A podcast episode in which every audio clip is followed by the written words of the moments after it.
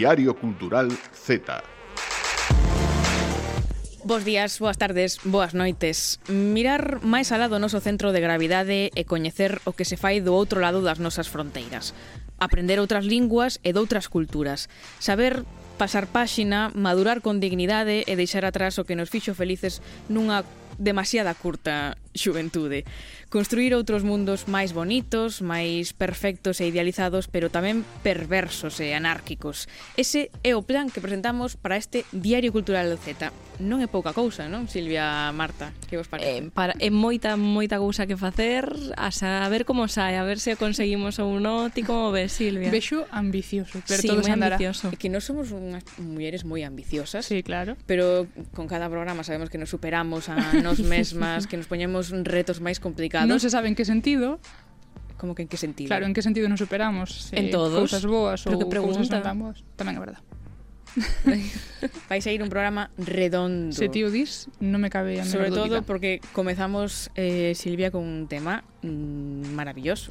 Si, sí, imos falar coa asociación O Fiandón Berciano, que é unha agrupación que montou un grupo de xente moza dali, da comarca do Bierzo, un pouco porque estaban cansos de que ali non houvese oferta cultural e actividades pensadas para eles, e quixeron pois facer algo para contrarrestar iso e que foi pois poñer eles as mans á obra e crear esa oferta. Mm, xente rebelde. Xente.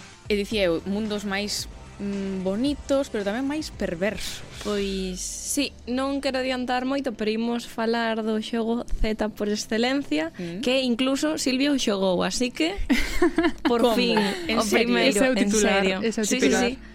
Imos falar dun xogo que xogou Silvia, é o titular máis importante o que ten que no será o Candy Crush. Eh, non, o Candy Crush non xoguei. Se quera xogo o Candy Crush, pois... Pues. Imagínate ser Imagínate, Zeta, eh. Madre mía. Vale, pois pues, eh, logo descubriremos, quedamos, descubriremos sí, sí. Que, que xogo nos trae hoxe eh, Marta.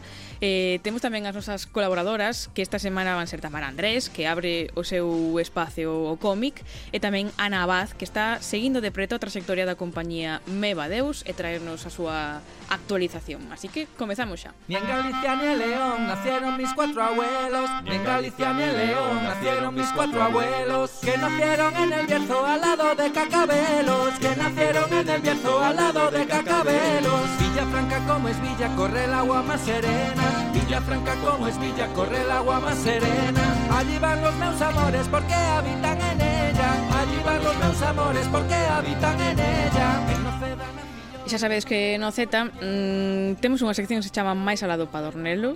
Mm, uh -huh. Oxe non. Oxe non, porque decidimos que, porque que non. decidimos que non. Se que imos a ir de viaxe máis alá das nosas fronteiras, ou tampouco non, porque uh -huh. hai polémica con isto.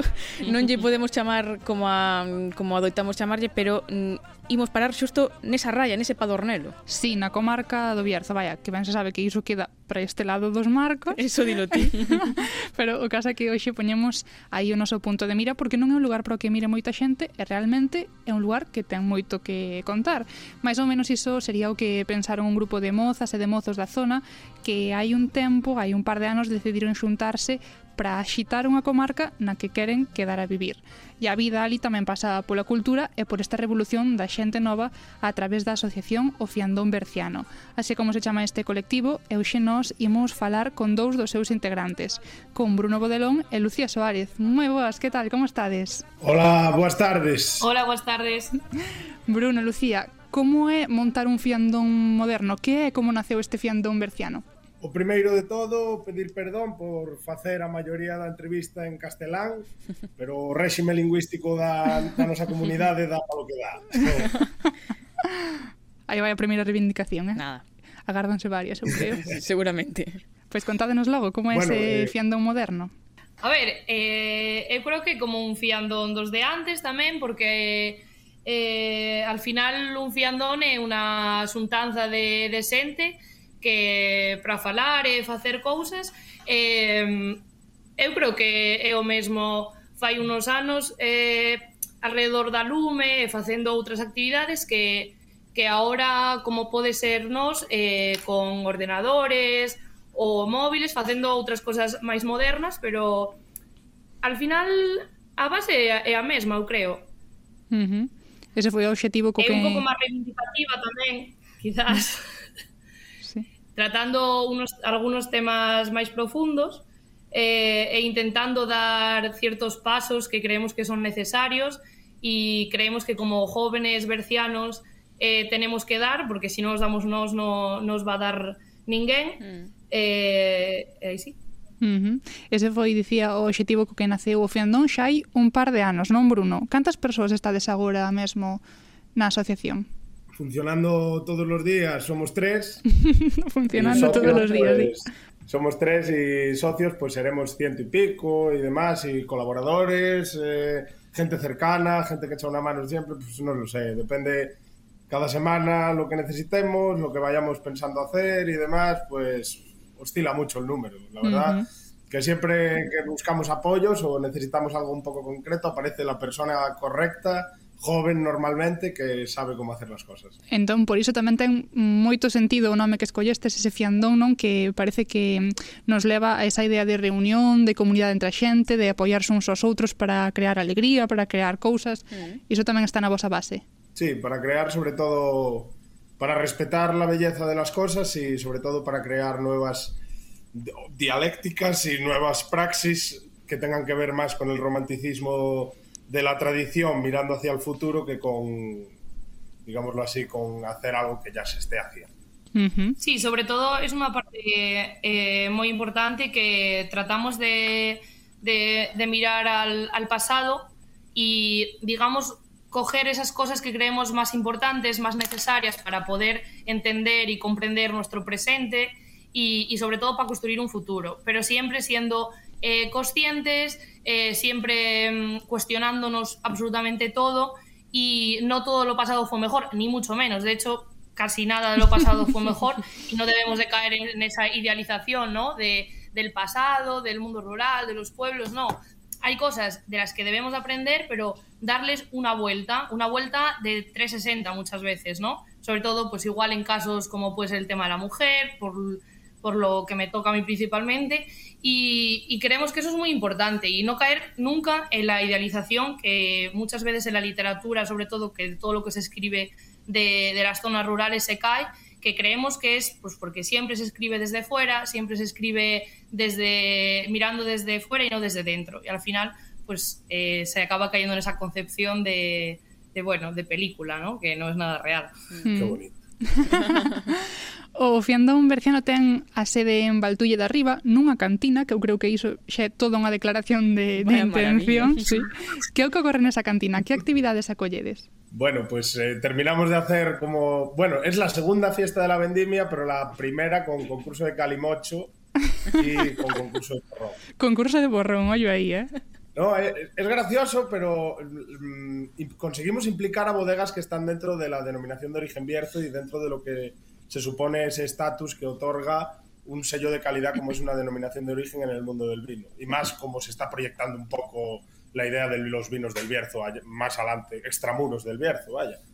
Entonces, pues ese fue como el punto, yo creo, más caliente, ¿no? Sacar un poco del mundo del vino a sus bodegueros y ponerlos con la gente corriente que normalmente somos los vendimiadores de esas bodegas. Uh -huh. Ese y fue... quitarle un poco de pues es, ese, ese estigma de, no, el vino solo eh, solo si sabes beberlo o solo cierta gente en copa como cierto elitismo que tiene que creemos que no debe ser así y que si el, la cultura del vino es un tema muy troncal de nuestra identidad eh, del Bierzo, pues que es del pueblo y es para el pueblo, no se puede quedar en, en las zonas altas, ¿no? sino tiene que bajar de principio a fin. Donde siempre estuvo. Sí.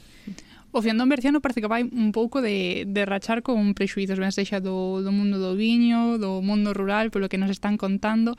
Eh, a parte destas actividades, desta festa da vendimia, a segunda festa da vendimia, a primeira con concurso de Calimocho e Borrón, tamén tedes outros, dende música ata proxeccións audiovisuais, programades cultura para a xente moza. Me ha encantado eso de rachar prexuicios. eh, me lo quedo. Eh. eh cedido, cedido. Pues sí, un poco es eso, ¿no? Empezó, por ejemplo, otro, otro tema que nos encanta hacer es el tema de Entroido, que lo empezó Raúl, el compañero que falta, Raúl Ochoa, uh -huh. y lo empezó a hacer, claro, es que este va a ser pan- pandemia mediante, será el cuarto año que lo hagamos el año que viene, ¿no? O qui... No, cuarto. Xa perde la Vale. iso cousa boa, porque significa que xa foron varios. Y eso fue algo que, que recuperó Raúl él solo el primer año, eh, estando, yo estaba fuera, Lucía estaba fuera, y de repente pues lo hemos ido llevando a más y tal. Y también un poco ahí estamos rachando prejuicios, porque no, no estamos, mm, por ejemplo, cogiendo la ortodoxia de- del traje de, de entroido típico con las pieles de cordero, de vaca, de lo que sea, eh, haciéndonos las máscaras perfectas. No, sencillamente vamos cogiendo farrapos, por ahí lo que encontramos. Las máscaras sí que Raúl, que es un artista, las ha hecho siempre muy chulas y muy cuidadas y muy originales. Pero bueno, es un poco también mm, gaitas a las 7 de la tarde, requetón a las 12 de la noche. O sea, Gustanos eso. Perfecta. No todo... un modelo moi moi galego, moi da nosa comunidade, falabas dos, dos farrapos, claro, non pode faltar a figura do choqueiro. Non sei se a coñecedes. No, Pois- igual le chamamos de outra forma, xa sí, igual, Claro. Sí, eh... O choqueiro é esa persoa que no entroido galego pois se disfraza colle os peores farrapos que ten pola casa, ponos e sal de, sal, e con sale de festa así para diante. Ah, pero nosotros sí, somos bueno. cocheiros todos. choqueiros, Aquí choqueiros. No... Choqueiro. Ah, es que cocheiro le llamaban a mi abuelo porque vendía coche. Claro, non ten nada que ver unha cousa ca outra. Ao final Aquí todo ven sendo o mesmo. No sé, o sea, digamos que hay también mm, muchos tipos de carnavales tradicionales eh, que tenemos muchas semejanzas con los entroidos galegos, pero eh, quizá también otras tantas diferencias. Y en Baltuille llevaba un montón de años sin hacerse y Raúl al final, quiero decir, lo que se hizo con ese primer entroido creo que resume bastante bien eh, lo que puede llegar a ser la asociación o las intenciones y los porqués, que al final fue eh, escuchar a los mayores, eh, escuchar cómo contaban eso que hacían y, y darle el valor que se merece a esa tradición. Y entonces, a base de sus testimonios, empezar a, a construir, ¿no? A reconstruir de nuevo y, y vivirlo y disfrutarlo, no como una performance ni nada parecido, ¿no? Sino decir, hostia, esto está súper guay, esto mola un montón, pues vamos a hacerlo otra vez, ¿no? Y al final, pues es eso, cada uno se coge sus farrapos de casa, lo que sea, ¿sabes? El mandil de tu abuela, el pantalón de tu abuelo, la boina de... yo- o, o trapos cualquiera, te los pones y sales a la calle. Y allí se construye un, un, Espantallo. un espantallo, que sería el entroido, así un hombre de paja enorme, Sí. y, y ahí se le hace un juicio, porque hace- antes hacían muchas cosas de teatro y se le hacía un juicio entre espontáneo, improvisado, y se juzgaba a ese entroido, ¿no? Y al final siempre se le quemaba. Pero bueno, el juicio estaba ahí. Entonces hacía como con sarcasmo y con cosas típicas de la, de, de la, de la actualidad. Antes pues igual de- decían que no había que quemarlo porque eh, ayudaba, iba a ayudar a, a recoger muchas patacas y ahora pues decimos que no hay que quemarlo porque es muy alto y igual es la única forma de conseguir wifi. ¿Sabes? Vedes? Outra, outra reivindicación que, que está. Entonces, claro, claro. Siempre, eh, antes también lo utilizaban para cosas así y ahora pues en la actualidad de ahora y listo. Vedes como o Bierzo está prestelado dos marcos que ao final o entroido ven sendo o mesmo ou moi parecido aquí e acolá. Sí. Non sei que, que pensarán eles diso, non? Como vedes esa relación entre o Bierzo e Galicia? Uf, es un tema complejo, ¿eh? Chan, chan, chan. A ver, bien es diverso, es lo primero. Pero, eh, eh, a ver, sí, no- y nosotros cada vez nos, nos damos más cuenta, porque yo, por ejemplo, vengo de pueblos que serían la raya lingüística, ¿no? Entre el gallego y lo que antiguamente se consideraba leonés, que hoy por hoy, pues en mi pueblo se conservan palabras y demás, pero no tal.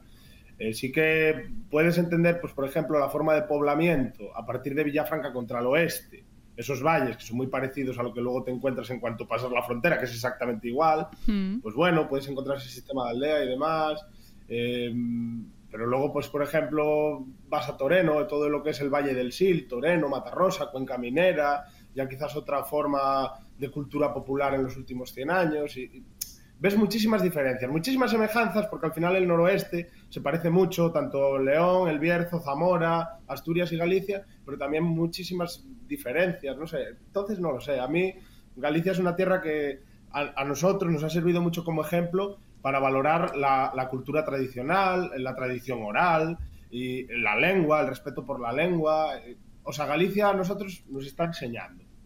Pero más allá de eso, no lo sé. Y, o sea, también depende a quién le pregunte, ¿sabes? Mm. Quiero, el, el Bierzo es, es muy grande, realmente, y es muy diverso, y dentro del Bierzo hay muchos, o sea, muchos mundos, ¿no? Tre- 3.000 El- kilómetros cuadrados. Entonces, Ay, yo, por ejemplo, pues que tiro más hacia, estoy más pegada para Galicia, pues claro que pues costumbres por familia, costumbres de mi familia, tradiciones, palabras, pues me voy a sentir un poco más afín de, de, lo- de los marcos para allá, pero Mm. eh, otra persona que sea de Benvibre o de por... pues no, es Claro. que todo lo contrario. Mm. Y entre la- esa persona de Toreno y yo, pues seguramente tengamos poquitas cosas en común, más que pertenecer a la misma comarca y algunas cosas, pero no sé, eso cada persona te va a decir una cosa y entre nosotros tres seguramente cada uno te digamos una cosa diferente. Hmm. E como vedes esa cuestión da raia lingüística da que falaba antes Bruno? Escoitase o galego nas rúas e nas casas do Bierzo, a xente nova fala ou segue guardando e conservando palabras que ao mellor escoitaba os avós ou as avoas? Sí, sí, sí. Palabras sobre todo mm, nombres propios ¿Mm? para los aperos de labranza, por ejemplo, ¿Mm? o o sea, lo que es en el, en el mundo rural. O sea, todos los nombres propios en el mundo rural, en cada pueblo, es una cosa diferente. La forma de llamar a los leiros y por ahí, casi todos mm, son... Las, las medidas, eh, sí, sí, Aún, aún escuchas mucho. De hecho, cuanto más te vas acercando por el oeste o más alejado está el pueblo normalmente de... Bueno, iba a decir una cosa, pero no. Eh, eh, Non queremos censura aquí, pero Día a día. Porque tienes que decir. No, no, eh, bueno, cuanto más, por ejemplo, está más alejado el pueblo de un núcleo de población un poco más grande, sí que empiezas a escuchar mejor la lengua, la empiezas a apreciar, la, la saboreas sobre todo en una conversación fluida, donde aprendes mucho y demás. Entonces, sí que se conserva, por ejemplo, el gallego, que es eh, lo que a vosotras quizás más os atañe, eh, sí que se conserva muy bien. La otra parte, mm, pues por ejemplo, lo que sería el leonés o el asturleonés, o como le queramos llamar, Mm. el dialecto berciano, tal, sí que se ve, yo vamos, lo tengo que escuchar en, en grabaciones o, Mm. o lo tengo que rebuscar mucho en una persona para que me, me pueda hablar así. También porque igual no caemos tanto por esas zonas. O sea, A ver, no sé, yo Cabañas. Bueno, o sea, tú sí, Bueno, ahora no. estamos en una zona que supuestamente está en la raya. O sea, ahora mismo estamos en, en el medio de, to- de los dos mundos. Pero sí que es verdad que se ha perdido muchísimo porque yo, bueno, por ejemplo, yo soy de Villafranca y en el colegio tenía eh, opción de cursar eh, alguna asignatura en gallego Ujú. y en el instituto también. Luego hubo ciertas cosas que la, la quitaron y la intentaron poner como extraescolar, pero súper... O sea, como un poco haciendo la vida imposible a todos esos jóvenes que nos interesara un poco el aprender, pues, por qué nuestros abuelos hablaban así, ¿no? Un Ujú. poco de esa forma que de pequeños igual te parece un poco más rara y ahora eh, la valoras y te parece una riqueza enorme. Y luego, pues, pues bueno, yo creo que, que hay que empezar a, a reaprender y a, a- a revalorizar todo eso que no nos han hered- no nos han dejado en herencia. Quiero decir, esos valores igual no nos los han sabido traspasar también. Y, y- pero bueno, paso estamos aquí para seguir escuchando a la gente y Mm. ponerle el valor que ellos no le dan. Y bueno, hay un documental que, sobre el gallego en el Bierzo que justo va a, ser, va a hacer un año que participamos en la grabación de- del mismo, que se llama Fálame Sempre. Y hicimos una proyección de este documental en, allí en la sede, en, la, en Valtuille, y para, para el magosto haremos otra, Ujú. seguramente. Pois quedamos coa recomendación dese Es- documental. Mm, pediríamos máis recomendacións de creadores e creadoras do Bierzo. Mm, vai quedar para outra conversa porque seguramente veñan Sí. por aquí en vindeiros programas. e Bruno Bodelón, Lucía Soares do Fiandón Berciano. Moitísimas grazas por estar hoxe con nós. Foi un placer. Grazas a vos. Grazas a vos. Grazas. Eu creo que temos que recuperar aquí no, no Z o concurso ese de porrón. Eu quero... eh, por favor... Quen das tres gañaría? Eu, eh, eu xa vos digo que non. Iso. Eu creo que gañaría eu. Sí. Te me estaba pensando en min, verdade? Eu creo que, bueno, non no quería decir, As pero... temos bastante claro que sí, ganaría Marta. Sí.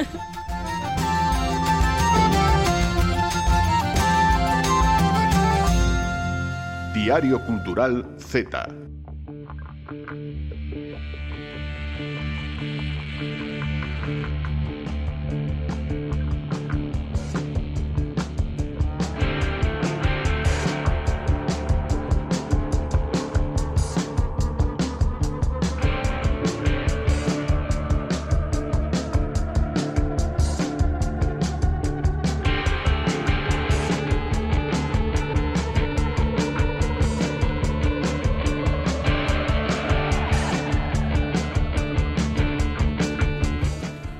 Andrés, moi benvida ao Diario Cultural Z. Grazas, Lucía. Cando nos vas traer autoras bercianas? Eh, estaba estuve, pensando xa estuve agora mesmo, non sei se haberá alguén a la que escriba Ten que en cousas chulas, pero eh? busca, busca. Sí. Curiosidades. Terei que buscar, si sí. xa anoto como, como deberes. Vos sempre me poñedes deberes. Cada vez que ves aquí, mm, non marchas de val. Está ben, está ben. Que nos traes hoxe? Eu teño que puntualizar algo que dixeches tú na introdución e é que non é a primeira vez que traemos banda deseñada ou literatura no, no. desde a parte Dixen visual. Dixen que era a primeira vez? Dixeches que era a primeira vez. En serio? Sí. Espera, vou ver o que... Ollo que vai revisar. E eu mesma estiven revisando o arquivo literario do Z. Por iso vos podo dicir que pasou por aquí Cristian Caruncho, que nos falou de Dorotea e Grande Roiva, teño todo anotado.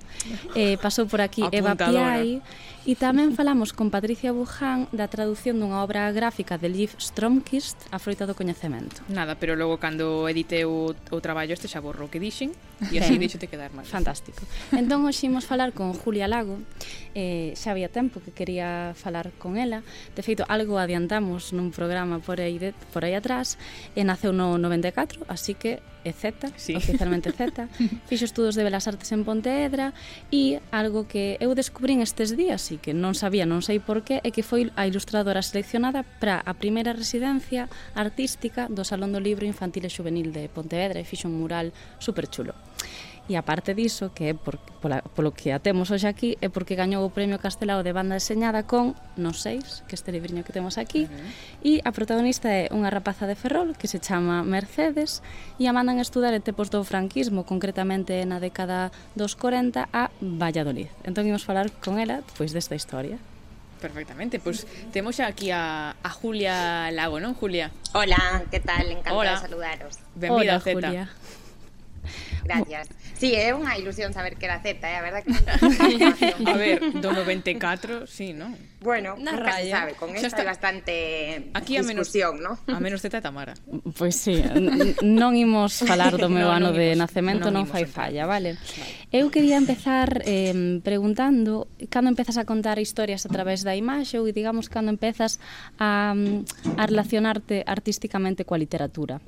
Pois a verdad que este libro é a miña primeira publicación eh, destas dimensións e como eh, non autoeditada. E foi a raíz de saber esta historia que en verdad é a historia da miña boa mm. e, e entón eu coñecín a bueno, pedinlles cando cumplín 18 anos as miñas avós unha biografía, o sea, unha autobiografía e esta boa miña, eh, bueno, as dúas son estupendas, pero esta é moi elocuente, moi crítica, e cando vin das súas palabras eh, ese relato dos anos que pasou eh, no internado que, que eu falo do, no, no cómic, pois flipei e me pareceu que esa historia tiña que ser coñecida. Bueno, tiña ganas de, de espallarla, non? E a miña maneira de contalo pois foi a través do, do debuxo que é a miña expresión. Eu pregúntome non como reciben estas abogas esa demanda que lle fas tú cando cumpres 18 anos e lles pides que te con... bueno, que te escriban un diario.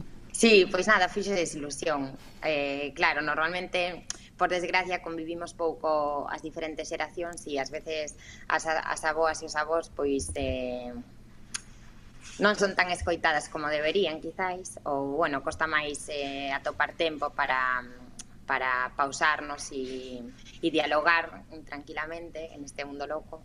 Mm. Eh, entón, cando lles pedín eso, pois pues nada, fixo, fixolles ilusión, pero vamos, eu sabía moitas cousas das, das que las escribiron, pero me gustaba tamén telas recollidas e nunca é o mesmo escribir que falar. Entón foi igual, foi un regalo mutuo. ti digamos que, bueno, traballas moitísimo na ilustración, non? Pero por unha banda ilustras textos de autoría allea, de feito saiu estes días, non? Ese libro de María Reimóndez, que creo que ilustras así tamén. Mm. E pola outra banda, sí. pois, pues, ilustras tamén texto propio. Entón, e concíbelas estas dúas vías como vías diferentes ou para ti o mesmo traballo? No, eh, son distintos. Eh, os dous son super porque teñen as súas eh, características eh, e disfruto moito en ambas direccións, pero mm, o guai desta publicación foi que como é mm, bidireccional, digamos que mm, sentín que facíamos eh, como unha especie de exercicio de memoria histórica e sentín, moita xente me contou, eh, me contactou e tal para mm, eh, pois para contarme a súa historia, tamén xente máis maior, xente máis xove que de pronto me decía que a raíz de, do libro pois tiñan falado cos seus avós e coas súas avoas sobre historias que igual nin coñecían e tal. Entón para min eso foi mazo gratificante. Mm. Despois, os que fago eh, os textos alleos, pois tamén son un gusto porque me fan a min descobrir eh, outras realidades, entón tamén é especial, pero esta primeira publicación en ese sentido eh, de diálogo e de, e de comunicación foi eh, moi moi estimulante. Dicías que chegas a esta historia, non? Entendo que a través dese diario que te escribe tua aboa, pero tamén entendo que hai un proceso de documentación posterior. Falos un pouquiño disto. Sí, pois, eh, bueno, en realidad eh, ocurrei todo con ela e eh, coa miña boa. Poderíamos dicir que é eh, unha banda diseñada das dúas, porque eh, ela me facía tamén de correctora histórica, tipo, eu eh, documenteime sobre fotos de Valladolid do momento, eh, das estructuras ou das habitacións que tiñan e tal, pero igual de pronto metía uns patins de liña e ela me decía que imposible, metía unha locomotora que non sei que. Era como un traballo das dúas tamén. Ela participou moito en esa mm, eh, rigurosidade. Vaya ollo tamén, para detectar os patins de liña sí, que sí. non... Sí, sí, aí estuvo fina. É dicir, Merche unha coautora tamén, neste caso. Efectivamente, totalmente, sí, sí. Eh, de feito, e normalmente cando, perdón, no. eh, facemos eh, así, mm, eh, nos invitan a coles ou a instis ou a charlas e ela ven moito comigo. O que pasa que este formato multimedia me parece un pouco rollo para invitala, pero ela sempre ven comigo oh. en plan eh, xira. sí, sí. Eh, ao final a historia, a base da historia é a represión, non? Que había neses anos, pero tamén é certo que hai unha chea de humor e hai unha chea de rebeldía por parte deste grupo de seis, non desas nos seis, que en realidade sae de dunhas siglas que aparecen no na banda deseñada NS que realmente non queren dicir nos seis. Non sabemos o que queren dicir. Ah, vale, conteo. que claro. claro. Non sabía, como veía tan expectantes... É que, é que non sei eh, se se nada. pode dicir, porque igual é un spoiler, pero creo que non, porque lín algunha entrevista onde xa... Sí, pero claro, tamén tamén da curiosidade e, e como mostra un pouco o carácter desas nenas. Entón, o que quere decir é eh, non servían. Elas escribían eso dentro dese internado, enfrentándose a un medo moi abstracto, que para mí é máis... Eh, o peor, vamos. E elas, como facían esa rebelión segreda, eh, escribindo nos seis, eh, que quería decir que elas non estaban dispostas a participar en esa vida gris eh, e que ian continuar en esa búsqueda da diversión e de unha vida que se parecese o máximo posible a, a xuventude e a, e a, e a, e a ser unha nena. Mm. Mm. É que mm, Mm, non temos tempo para falar moito máis con Julia, pero eu creo, Tamara, que o que lle debemos a Julia é convidala outro día para que poida vir presencialmente e que veña con Merche. Por favor. Vale, ben, Claro, eu encantada, nos pasámoslo de lujo, vamos, a invitación que temos, invitación que imos, sobre que todo agora... se é, eh, en vivo e en directo que presencial físicamente, vamos. Sí, sí, que sabemos que o digital tamén é un pouco frío, mellor vir aquí e, e vernos e falar. Moitísimas grazas, Julia. Nada, moitísimas gracias a vos polo tempo. Chao, chao. Chao. E tamén a ti, Tamara, por facernos moitísimos spoilers sobre Oliver de Julia. Que rápido se me pasa sempre esta sección, non? Vale, eu quero máis tempo, por favor. vale, tomamos, témolo en conta e xa para a seguinte eh, discutímolo, Venga. miramos a ver se vale. negociamos. Moitas sí, grazas, rapaz. Grazas, Tamara.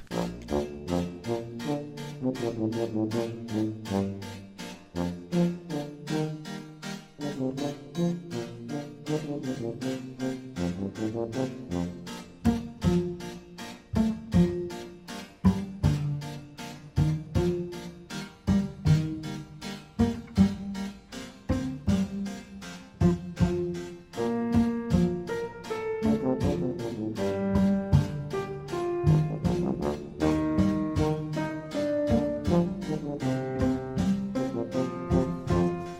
Seguimos aquí no Diario Cultural Z, temos por diante ainda media hora de moita cultura que pasará por música e literatura, por teatro e tamén por ese videoxogo que é o único que xogou Silvia. Sí, sabemos que tedes moita gana de saber cae.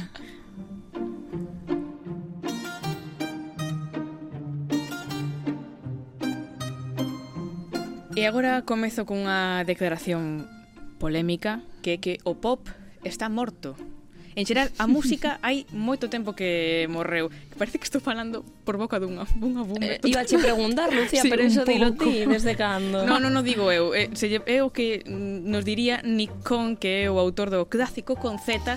Meña. Tempo que non dicía iso, eh? Tiña ganas de, de menos. Como votábamos de menos, con eh? Z, sí, sí. Eh, eh, pois o autor do libro que traio hoxe di que a boa música morreu exactamente en 1968. Hoxe, é certo que vou dicir moitas cousas polémicas. Eu xe tras o libro. Hoxe trae o libro. non te adiantes, que ahora, vale, ahora vale. che digo porque además o título ten, ten sorpresa. Vale, vale, vale. Eh, pero sí, mm, as cousas polémicas non son miñas, son de este señor Nikon británico que está considerado pai da crítica musical. O libro é de 1969 e eh, moitos din que neste tempo non se escribiu nada semellante, nada igual de fresco, cru, de honesto e tamén de despiadado ao mesmo tempo. O libro chamase Wop, bop, loom, bop, lop, bop, bop, to the boot, oh, rude. To the boot, oh, rude. To the boot, oh, rude. To the boot, eh, oh, rude. To the boot, eh, oh, rude. Oh, wop, bop, loom, bop, lop, bop, bop, I got a girl named Sue. en efecto, o libro chamase, é que é difícil de dicir, eh? así lento. Wamba Buluba Balam Bambú Por que o liches? E me dixeches que estiveras é que practicando, practicando a maña. É que ademais o dixeches cantando, é imposible decir estas é que imposible, palabras en cantar. É imposible decirlos en cantar. Eh, claro, o libro chamas así, oxe trouxe, non? Oxe, para os nosos espectadores para de YouTube. exactamente o, o a promo do Z que temos que recordamos unha e outra vez que, que me esquecín do libro a última vez pero sí, chamase así por esta canción de Little Richard que escoitamos que para autor, eh, vou citar foi o resumo máis genial que se fixo de todo o que significa o rock and roll Nikon escribiu este libro mm, dunha sentada cando tiña 22 anos. Levoulle dous meses. É un libro mm, bastante gordiño, eh? Sí. E fixo porque el consideraba que o pop, que a súa música querida, estaba moribunda. Era mm, o momento da primeira gran discusión de parella entre John Lennon e Paul McCartney e nada sería igual despois. Con quería pasar páxina e para iso tiña que escribir el mesmo esa páxina ou esas 400 páxinas nas que vai repasando un a un os nomes e movimentos da música popular dos anos 50 e 60 o que el opina que é a boa música. Pero o certo é que non deixa títere con cabeza. Podería dicir moitas cousas deste libro, pero o que quería que fixésemos hoxe é escoitar música e ler algún fragmento para que o gocedes de verdade.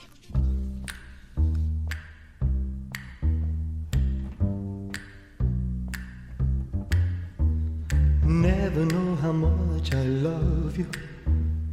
Never know how much I care. When you put your arms around me, I get a fever that's so hard to bear. You give me fever. Escoitamos o rei do rock eh, que como moitos chaman a Elvis Presley e Nikon non é menos, el tamén considera que é o rei do rock no momento no que sae este libro Elvis ainda está vivo hai xente mm. que di que sigue vivo, Ainda vivo sí. non o imos discutir agora, pero primeiro dedicase a falar maravillas do seu talento, de como cambiou a industria musical, bla bla bla, para despois soltar cousas como esta.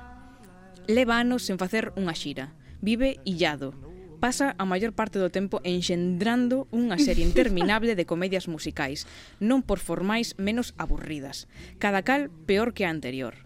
Hai que considerar que Elvis ten xa 34 anos.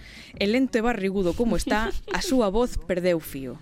As súas cancións son monótonas, as letras do for de formulario e o equipo sempre soa mal. Todo o que queda de Elvis é a imaxe de cando tiña 22 anos. Mi madriña. Non quedou corto, eh? Non quedou, no, isto só un fragmento. Sí, e, sí, sí. e iso tamén é para que nos teñamos en conta de que os anos vos son son agora porque eh, eh, mm, claro, Despois Elvis, Elvis gustáballe. Gustáballe. A xente xa que non pero, guste, perdeu. cando, cando pasou da, da vintena, dixo, di, di que ten 34, 34 anos e que está acabado. Podemos dicir que para con, eh, pois Elvis é como un millennial botado a perder. Come gather round people wherever you roam And admit that the waters around you have grown And accept it that soon Como calificar a Bob Dylan? Moi sinxelo, non o fago. Abúrreme terriblemente. Espera, espera, isto estás lendo outra vez, non? Estou, estou vale. lendo. Pero Por aclarar, eh? de alguén? De nadie. Mm. Spoiler? No. Ah, vale, vale. Spoiler non. Continuo dicindo sí. o que o que opina de, de Bob Dylan. Se me apuran, podo dicir que é original, que compón boas melodías e que fai algúns chistes divertidos, que ten unha cara interesante e que a súa influencia no pop foi inmensa, pero aínda así non me gusta, deprímeme, Só o son que produce o seu ton choroso, desprezativo e burlón repéleme. Como poeta tivo momentos de verdadeira inspiración, pero a maioría das veces pareceume blando, sensibleiro, pasado. Gústame o ton que lle pos, sabes, como xa é o texto teño dabondo ruín, pero ti con ese ton. É que me encanta Fai ler ruín porque fala mal de outras sí, persoas, que eh, me non encanta digo... ler estas cousas ruíns. Sí. É que dan pra Mola moito, moito eh. sí, sí. Isto é mm, Bob Dylan para moitos considerado pues, mm, o sí. mellor artista, non? Ganou un premio Nobel. Eu non sei que opinaría ni con Non foi premio... Claro, él, eh, pero... este, este señor está considerado o pai da crítica musical. Eh, hai que, re... hai que revisar. Da crítica eh. mala. Hai que revisar isto. da crítica mala. Vale, vale. Eh, eu lín o, cap, o libro varias veces, encántame, sobre todo cando canto máis crítica, mellor é o libro. Eh, para min un dos mellores capítulos é o que dedica a The Beatles, ollo sí. aí, eh, é o capítulo máis longo de todos que comeza moi adulador para rematar dicindo mm, cousas bastante feas que os menores de idade mellor que non lean e que eu non vou reproducir aquí. Vos lede o libro e xa opinaremos. Pero mm, vou rematar co que é o seu grupo favorito, The Rolling Stones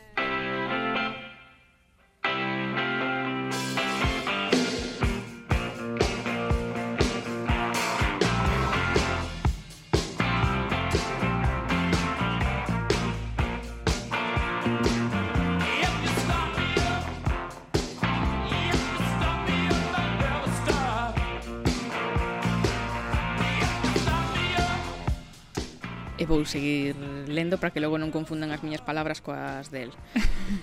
Apenas tiñan melodía. As letras eran casi eslogans e moitas cancións eran unha merda. Directamente. Vale. Houve un tempo no que podían ter sido tan importantes como The Beatles. Mick Jagger podería ter sido o máis grande dende Elvis, pero perderon a súa oportunidade tal e como están as cousas, non creo que duren. Non estaban destinados a facerse vellos, ollo aí. Existiron para ter un éxito nun momento dado e despois desaparecer e se lles queda algún sentido de elegancia, mataránse nun accidente aéreo tres días antes de facer os 30 anos. Pero que trabillaches hoxe. Ah, eh, pareceme sublime, pareceme un libro super Z dunha ah, persona sí, sí. enfadada ca vida que di en plan Totalmente. apestades todos. Eh, seguro que moitas veces razón non lle falta, eh. Pero que este, non lle quito, non lle quito. Os Stones eran o seu grupo favorito. Como serían os outros? E desexa a morte directamente antes dos 30 para que non chegan a ver. Pero moi elegantemente. Ver, a ver, no. no, elegantemente no. Eh, quería rematar con isto porque, aparte de que gracioso, é mentira, non? Porque Mick Jagger debe ser o señor máis bello que hai sobre un escenario eh, e, e ademais como é mentira, pois é, é genial porque el no, no 69 vaticinaba yes, mm, que non iban durar sí. e aí, aí seguen os, o, os Stones. Ás veces as grandes mentes pois tamén se equivocan, que ímos facer? sí, sí. Eso tamén para ter en conta que as críticas pois tampouco son máis importante, non? O importante é que cada un faga o que lle guste, a música que lle guste ou pois, os programas de radio que lle guste. Mm. Eh, se sempre vai haber alguén sí. ao que lle gustes de verdade. E entón que, non pasa nada. Que, que, que te odie, pero non pasa nada. Mm, hai que saber vivir. Se alguén nos odia como este señor odiaba a todo o no, mundo, por favor eh, pois mellor porque se equivoca. Así que Sí, sí.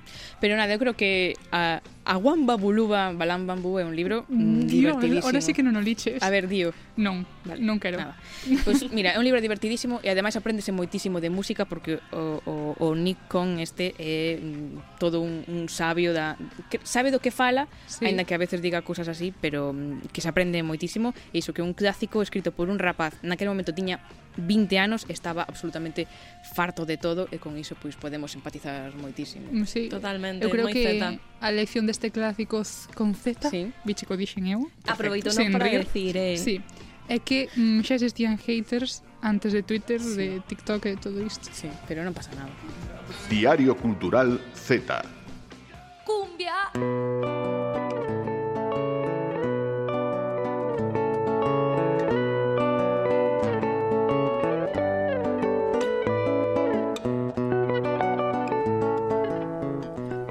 nunca ten razóns para criticar a ninguén porque só trae aquí cousas boas, xa fai o filtro ela antes, que iso tamén é importante, non?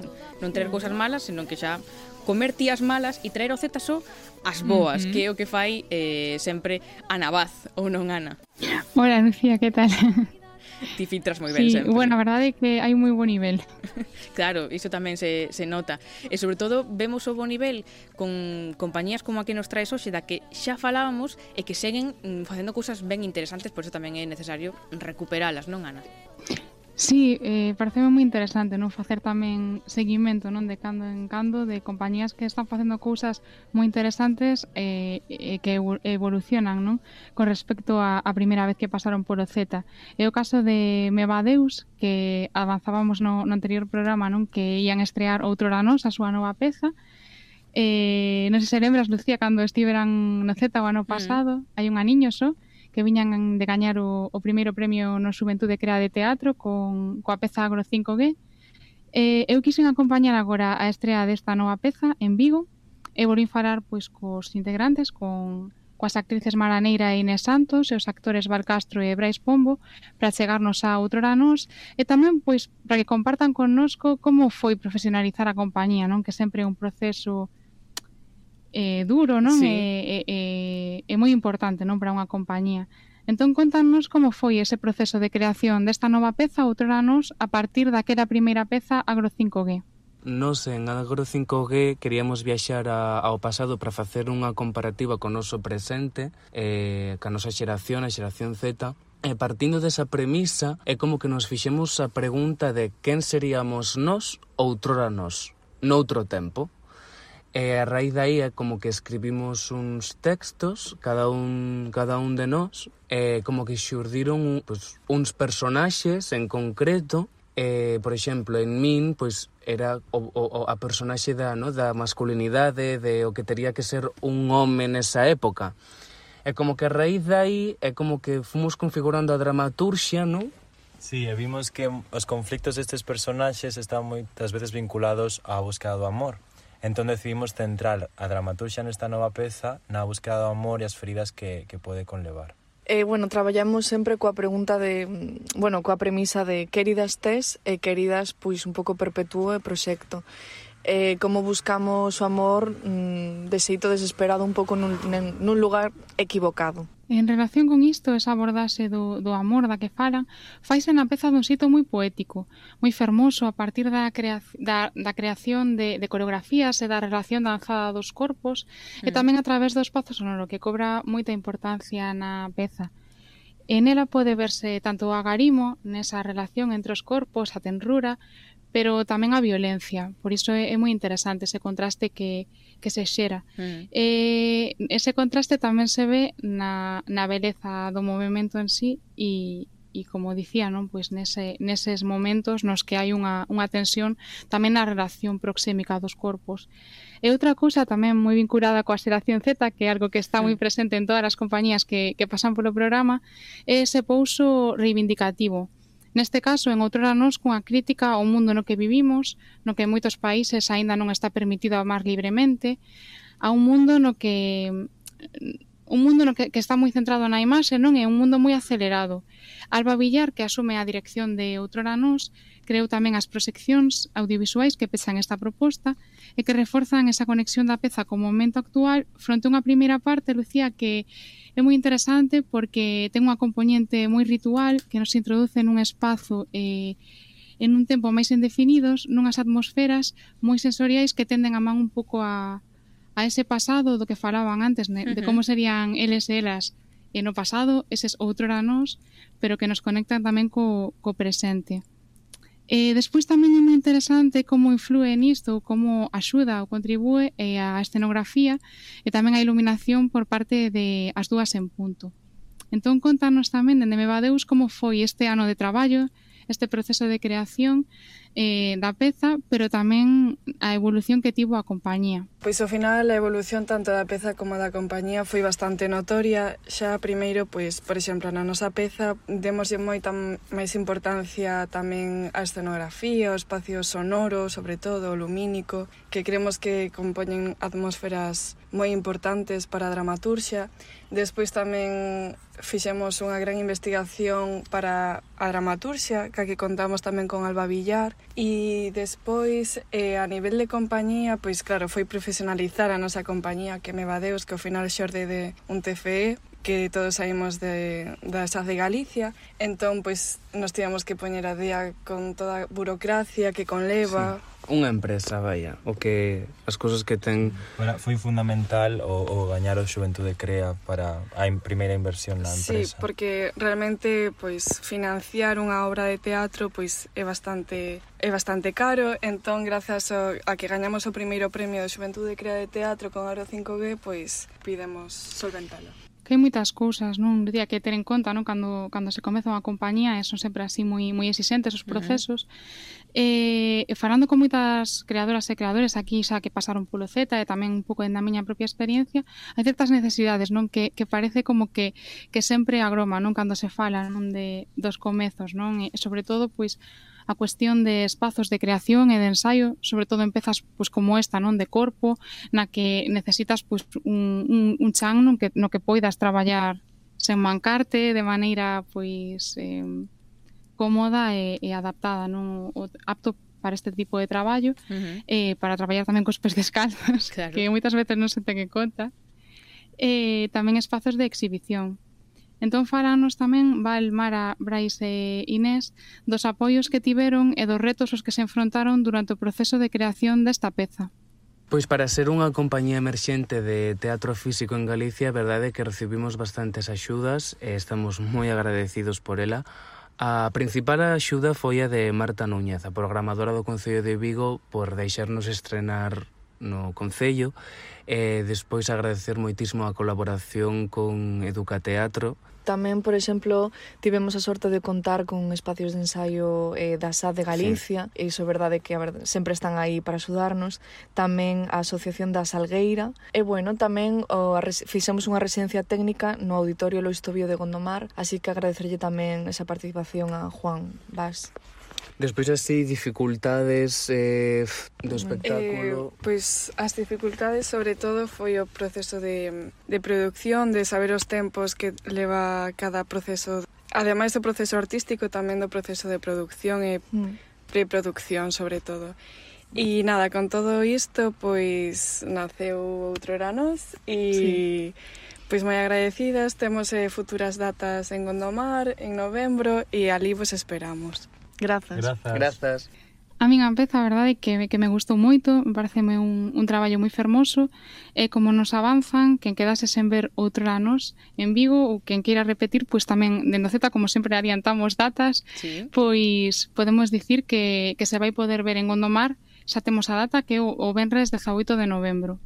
E despois, Lucía, trouxen tamén eh, un anaquiño do, do espazo sonoro vale. da peza, é un sonoro, un espazo sonoro, perdón, da, da, da estrea porque se crea ese espazo sonoro en cada, en cada pase. Ten, ten eh, está moi conectado non este espazo sonoro coa tradición pero tamén ten eh, unha conexión grande co, coa actualidade non porque está actualizado e, e se fai mediante un looper entón se, se che parece pois pues, coitamos claro. un anaquiño para introducirnos na atmosfera.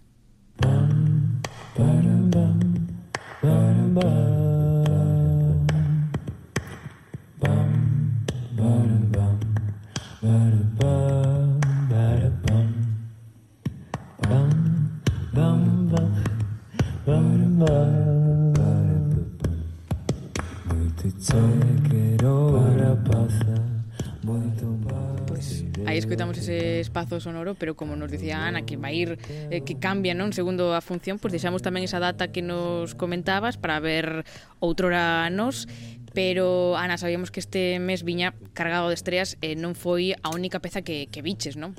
Non, fui, fui tamén ver, a, ver outra das, das estreas que, que tiñamos aí pendentes, uh -huh. eh, que tamén me gustou moitísimo a peza, que é Backstage, de Negro López, que ademais esgotou as entradas na súa estrea, pero que tamén dende Z podemos adiantar que se vai poder ver de novo en Vigo, o sábado 19 de novembro en Vialia, Eh, simplemente así para resumir un pouco eh, para quen queira pois ir vela que é unha mm. peza para público familiar que está chea de gags cómicos eh, é unha peza alrededor do fracaso unha peza alrededor do amor e do desamor en a que a, um, hai unha abordaxe e uns códigos moi diferentes polo, polo, propio, polo propio xénero, non?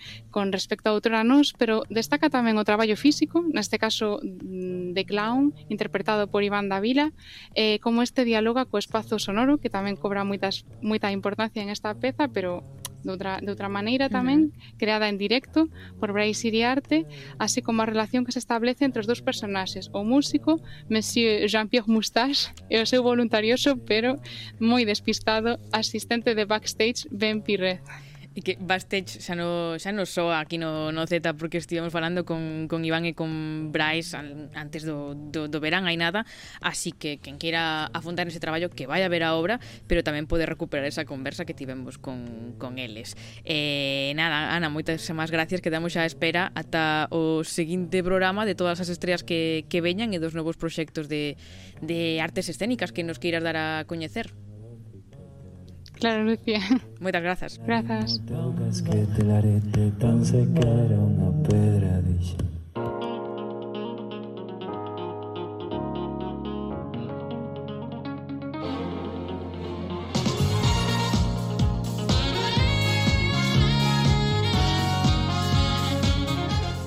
E agora por fin deixamos para o final o gran misterio. O gran misterio.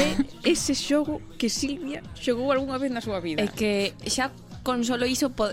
non se me ocorreu antes definirlo dunha forma maior, pero é o que define todo este xogo e que se o xogou Silvia, pois pues, ten que ser o xogo Z por excelencia. Non me gusta que se poñan estas expectativas en min porque logo defraudo. Non, pero é un gran pero, xogo. Pero é eh? un gran xogo. Sí. Claro, eh, da, da, da fe de que é un xogo moi Z, porque ata o xogaches ti, que eso di moito. Témolo que repetir, Silvia, porque é o certo. Vale, eu son a, o nivel polo que se mide o resto, pois non me fago responsable, pero... Bueno, este é un xogo que ademais de ser Z, porque o xogou Silvia, porque marcou a toda unha xeración que a nosa, pois tamén se pode considerar Z porque naceu no 2000. O sea, ah. é máis pequeno que a nós, incluso. Pero xa sería desas persoas que teñen 22 anos e que ti non podes entender como é posible que teñan 22 anos e os biche Tamén un comentario de boomer isto, verdad? é, é eh, eh, un comentario de boomer, pero pásanos moito a nós, porque sí. nos pensamos que somos novas, claro. pero resulta que hai xente con do ano 2000, 2001, e mm. máis que xa é maior de idade que está mm, pois na universidade ou en ciclos como ou... o señor do libro, como Nick Chocón. O señor do libro debe ter 80 anos. Pero no seu día tivo 22. Sí. Bueno, pois este xogo vos ir dando unha pista, pois consiste en vivir, en construir unha casa, en establecer pois certas relacións sociais as que nos queiramos, conseguir traballos chulos, é dicir, ter unha vida que nós nunca vamos a conseguir, por así decirlo. Correcto. Moi ben, claro. Un xogo moi zeta para no que podemos eh, meter todas as nosas aspiracións vitais e, e facela realidade e, e frustracións tamén e facelo realidade ou mudar esas frustracións que agora nos pois nos mm, como dicilo, estamos que nos corroen. Sí, que nos corroen por dentro. pois neste xogo iso non pasa, porque, bueno, vamos a dicilo xa, estamos falando dos Sims, como non, efectivamente, os Sims, o xogo ao que xogou Silvia. Eu sí? creo que deberían promocionalo así. claro, unha campaña. campaña de mm, marketing. Non sei se ellos funcionaría. Xogou Silvia. Bueno, Igual entre vos, pero... Silvia, eu quería se preguntar eh, que, como xogabas ti, claro, vale. a entrevistada de Xisila, mm. como xogabas ti aos Sims? Eh, dedicábame a poñer bonita a casa. Solo era, decoración. Ese era o meu cometido, sí. E eh, a tirarme a piscina. Eh, a procrear, a xente, a... decir, sí, procrear. Solo sí, iso. é unha función moi utilizada. Claro. No sé. E nunca se chequeimou, eu que sei, un fillo eh, ah, mm, ou algo así. Non nos recordo. Mm, Podería ser, porque as miñas cualidades, e aptitudes e capacidades no mundo dos xogos é como mm, no mundo da maternidade, supoño, algún día, non creo, son as que son, pois podría pasar. E ti, Lucía, eh, te se, xogado? Se me quemou un fillo. Eu teño xogado. Sabes que pasa? Eu teño moi pouca paciencia. Hmm. Entón, a min, eu empecé a partida moitas veces. Empezo, formo unha familia, abúrrome, volvo a empezar, formo outra familia, así. Pero quizáis eso é porque non non mercaches ou non conseguiches, non vamos decir como, todas as expansións que teñen os Sims. Ah, no, que teñen, uh, claro, teñen moitas. A ver, é que eu xoguei, pero a mellor xoguei, eu que sei. O pack básico. Mm, eu tamén. Dos Sims 4. É un máximo claro, de Sims 4. dúas horas na miña vida. Pero vos sabedes que acontece? Que eu xoguei moito de becativa pois aos Sims, pero non foi hasta este ano que tive unha compañeira de cuarto eh, que xogaba todas as horas aos Sims 4 con todas as súas expansións que me din conta de que é un mundo moi maravilloso, hai de todo, hai misterios, podes ser mago, pode ser científico, pode ser profesións que nin existen, xurocho, podes Como crear pocións. Sí, claro, é un mundo moi moi moi aberto. Non é só o de decorar, podes facer un montón de cousas. Eu que dimei. Claro. Eu tamén. Sei, se algunha de vos quere ser cantante nun futuro, pois no Sims 4. Sí, eu creo que sí. É a miña frustración é non ser cantante. Para aparecer no libro de Juan no, Eu aparecería, vamos, de primeira. Gustaría me ler iso. A o que tamén. dirían de ti. No. Eh, seguro que todo cousas maravillosas. Bueno, vamos ao lío, que estamos aquí de chachara. no, vai, vai acabando no lío, xa. Claro, claro. Eh, estamos falando dos Sims porque esta semana pois hubo un gran acontecemento pois para os fans desta saga, para Silvia, sobre todo. A ver, dedicado en exclusivo. A ver, non poñades na miña boca palabras que eu non dixen. Fan tampouco. Bueno, resumindo, Electronic Art, que é o estudio que hai detrás deste videoxogo, pois acaba de anunciar que por fin, por fin, por fin vai sair ao mercado os Sims 5, que levamos nove anos alá desde o 2013 que saliron os Sims 4, 2013 nove anos, que xa son moitos, sí. en estes nove no, anos... Pero dotaron o xogo ben. Sí, sí, en vez de sacar outro novo, como van facer agora, pois se dedicaronse a sacar expansións de todo, queres ser panadeiro, queres ser, eu que sei, un pouquiño de todo hai por aí. Mola. Como sí, son sí, os sí. contos estes de un neno que vai ao cole, vai a non sei onde. Ah, sí. Teo. Teo. Los pues Sims van Sims... al cole, Exacto, versión Teo, pois pues sí. o mesmo. No, perdón, os iba a decir os bochechas, como se chama? Bolechas. Bolechas. os bolechas. Bueno, pois facendo un paréntesis despois desta de aportación de Lucía. que non me serían os bolechas. Que, que decir dos Sims 5? Pois que se presentou baixo o nome, o nome Proxecto René.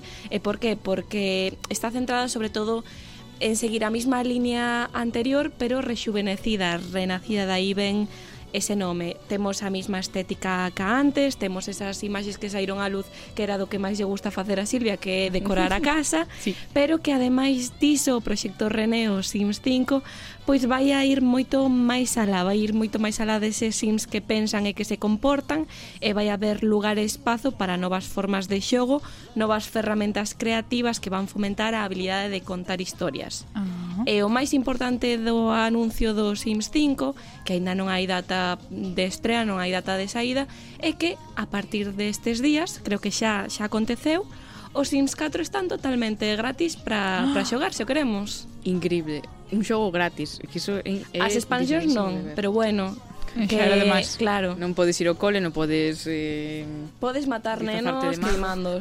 Ou afundindo na piscina. Claro, claro, claro que era que, o que, daba. que me gusta facer. pois, pues, eh, un tema moi interesante, eu non sei vos que ides facer, eu vou chegar á casa, despois de acabar o sí, programa, sí. voume descargar os Sims e voume poñer a xogar, e quizáis colla algún que outra expansión. Ben, pois xa nos dis, xa nos contas No, xa nos dis, no, Silvia, ti tamén vas a está, está pasando Eu estaba botando balóns fora, pero sí, no, no, desta no, no, non vai ser. No, a, a Marta vale yo 4, ti tes que mercar o 5 cando saia sí. E logo xa nos que contas que Que mo manden, que se me van a utilizar como sí, plan sí. de marketing sí, Que mo manden, digo eu, eh, Que no. nos regalen, así probámoslo. Pois moi ben, que, que maravilla o Sims 5 Parecía que non iba a chegar nunca e chega Por fin, por fin. A ver, a ver que nos contan en futuras ocasións A ver, a ver se nos dá unha data de saída Pero que puidemos ver é que estaba pois nunha fase de desarrollo mm. pois moi cedo aínda. Pois aí o deixamos xa agardando a ver que fai Silvia se mata algún fillo, se o queima ou como fai. Nos despedímonos aquí, a verdade foi un Z, cumplimos as expectativas, a ver para a semana que ven como nos vai. Ata logo.